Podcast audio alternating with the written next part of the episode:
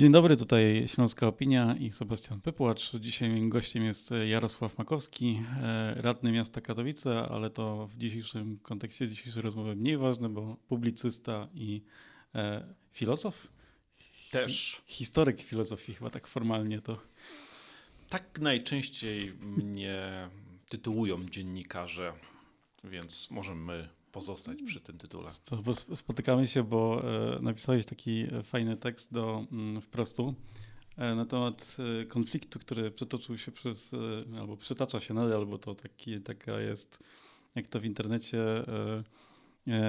wybucha na nowo, czasami w niespodziewanych momentach, tak zwana internetowa imba pomiędzy Zanbergiem a Matczakiem. Tak, rzecz dotyczy pracy i wydaje mi się, że przechodzi obok tego, co jest e, kluczowe e, w dzisiejszym sposobie myślenia o pracy przez różne pokolenia. E, wydaje mi się, że mamy do czynienia z dialogiem głuchych, znaczy w tym sensie, że Zandberg reprezentuje obecne pokolenie mm, milenialsów, natomiast Profesor Matczak reprezentuje pokolenie tak zwanej transformacji. E, I dialog ten e, jest mało, że tak powiem, konstruktywny, ponieważ e, mówimy o zupełnie innych doświadczeniach i innym podejściu do świata, a w tym także do kwestii pracy. No właśnie, to, to wiesz, fajnie się rozmawia, ale jakie jest podejście twoje? Trochę się znamy, już e, kilka lat i ja wiem, że ty e, nie boisz się czasami zapieprzać, ale też lubisz sobie dobrze odpocząć.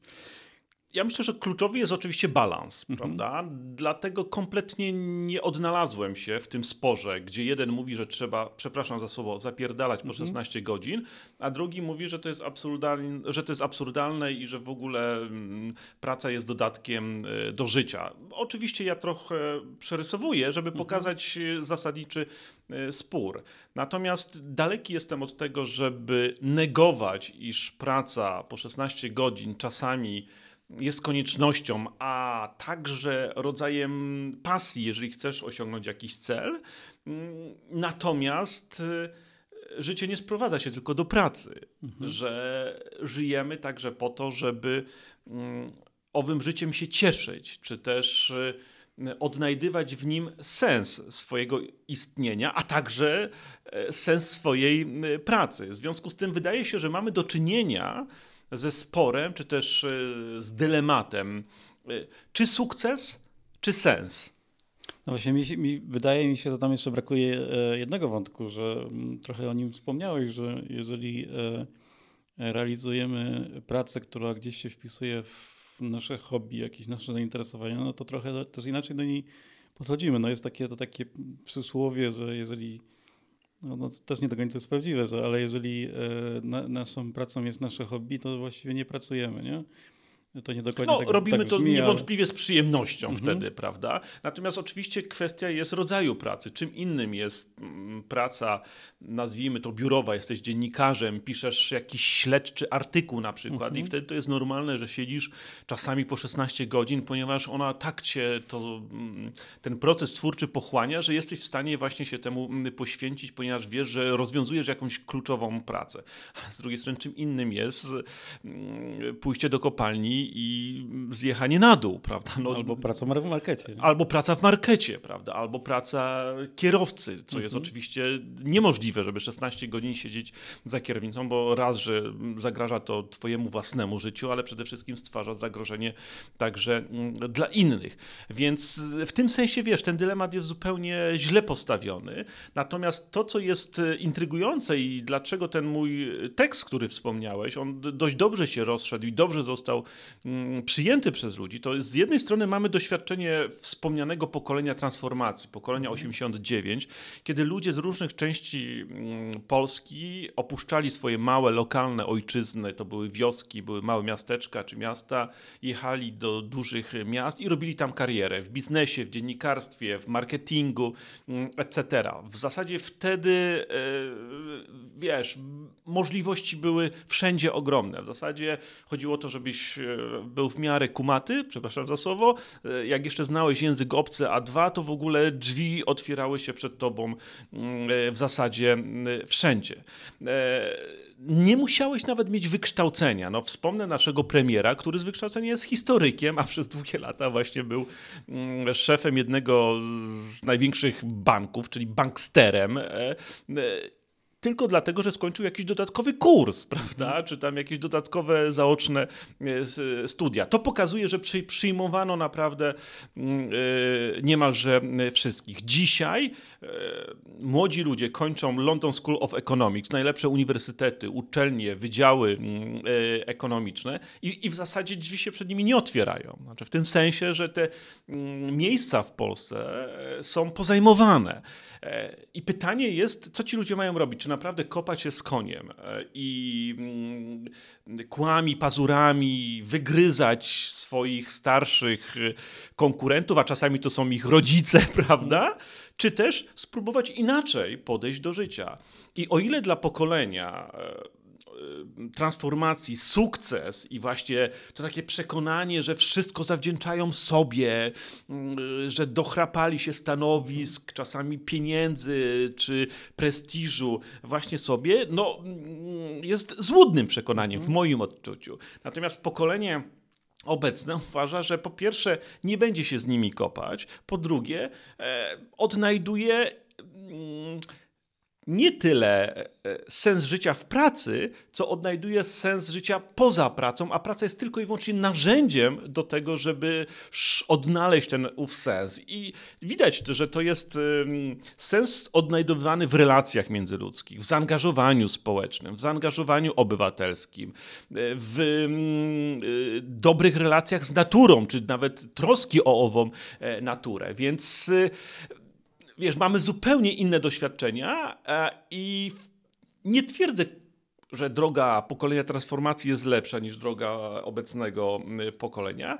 Natomiast y, ci, którzy próbują swoje doświadczenie uogólnić na całość, w moim przekonaniu y, popełniają grzech arogancji. W tym tekście to trochę próbujesz e, pogodzić te dwie grupy, albo nie wiem, co robisz to e, z zamysłem, czy tak e, przypadek wysłał, ale wydaje mi się, że ten wątek jest, e, gdyby każda z tych grup, które kłóci się, czyli ta, która zakłada, że pracować należy do granic wytrzymałości i ta, która zakłada, że praca to jest jednak dodatek do życia, e, ty trochę tutaj robisz krok do tyłu e, i trochę zakładam, że oni też powinni zrobić krok do tyłu i zobaczyć, że ten liberał, który mówi o pracy do upadłego, no nie byłby w tym miejscu, gdyby nie jednak pewne e, lewicowe, socjalne postulaty, czyli wspólne drogi, wspólne pewne usługi, które państwo daje, a które są no, jednak z tej strony e, lewej. Nie?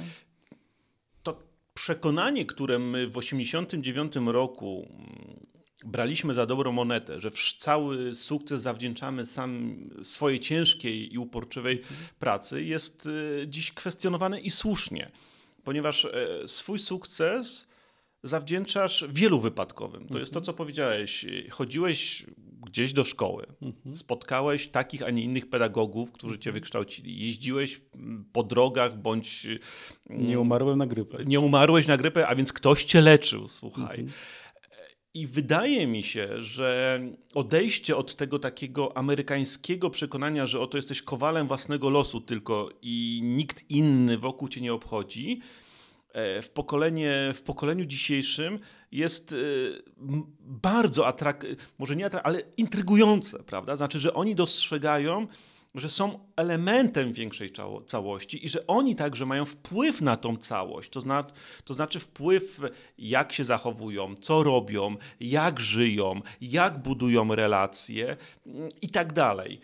I myślę, że to jest to poczucie solidarności, takiego mm, przekonania, że płyniemy na jednej łodzi, e, gdzie miejsc jest dużo, jest nam po prostu potrzebne dzisiaj. Potrzebne, żeby mm, ratować nasz rynek pracy, żeby ratować nasz rynek ubezpieczeń społecznych, żeby ratować nasz rynek ochrony zdrowia i w końcu, żeby budować, krótko mówiąc, przyzwoite społeczeństwo. To znaczy, tak jak powiedziałeś, ja wiesz, nie lękam się pracy. Co więcej, nawet w tym tekście piszę, że mm, moje doświadczenie dzieciństwa było doświadczeniem ciężkiej pracy. Jako chłopak wychowany e, na wsi i to opisuję, przeklinałem wakacje. Dlaczego? Ponieważ o ile dla mojego kuzynostwa wakacje to był moment, kiedy oni kończyli szkołę i z wielkiego miasta Łodzi przyjeżdżali do mnie na wioskę,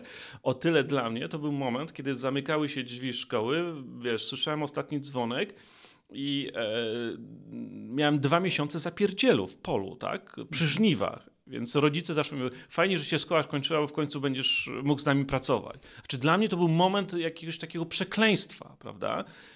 że kończyła się szkoła, a tak naprawdę wakacje zaczynały się mm, jako moment ciężkiej y, pracy. I wydaje mi się, że y, te dwie perspektywy są do pogodzenia, prawda? O mhm. tyle, o ile nie, nie ma w tobie tej arogancji, żeby właśnie powiedzieć, że wszystko zawdzięczasz sobie i sukces, który osiągnąłeś, to jest y, mm, strategia zapierdzielania po 16 godzin dziennie, mhm. Ale też e, nie jest tak, że możesz żyć cały czas na koszt e, społeczeństwa. I nic nie robić, e, nie angażować się, a mm, właśnie e, przyjąć taką strategię e, trochę mm, no, mm, pasożytniczą, jeżeli mogę mhm. tak, tak powiedzieć. Więc znalezienie tego balansu dzisiaj wydaje mi się absolutnie kluczowe i ten spór, od którego wyszliśmy, czyli zapierdziel po 16 godzin, czy raczej praca jako dodatek, jest źle postawiony. Znaczy, dobrze postawione pytanie to jest, jak odnaleźć balans między mm. pracą, która powinna dawać satysfakcję, i z drugiej strony pracą, która powinna pozwolić ci na to, żeby realizować swoje pasje, mm, pragnienia, mm, podróże, etc. Załóżmy taką sytuację, przychodzi do ciebie twój e, syn Maciek i pyta, tato, jak właśnie znaleźć taką pracę, która by była spełnieniem tych moich takich jakichś ambicji? Co, co zrobić? Ha. Zakładając sobie coś wymyślił już, nie? Jak do tego miejsca dojść? Znowu, nie ma we mnie jako mm, ojcu czy rodzicu takiego przekonania, że to ja powinienem za niego to zrobić. Nie. Mhm.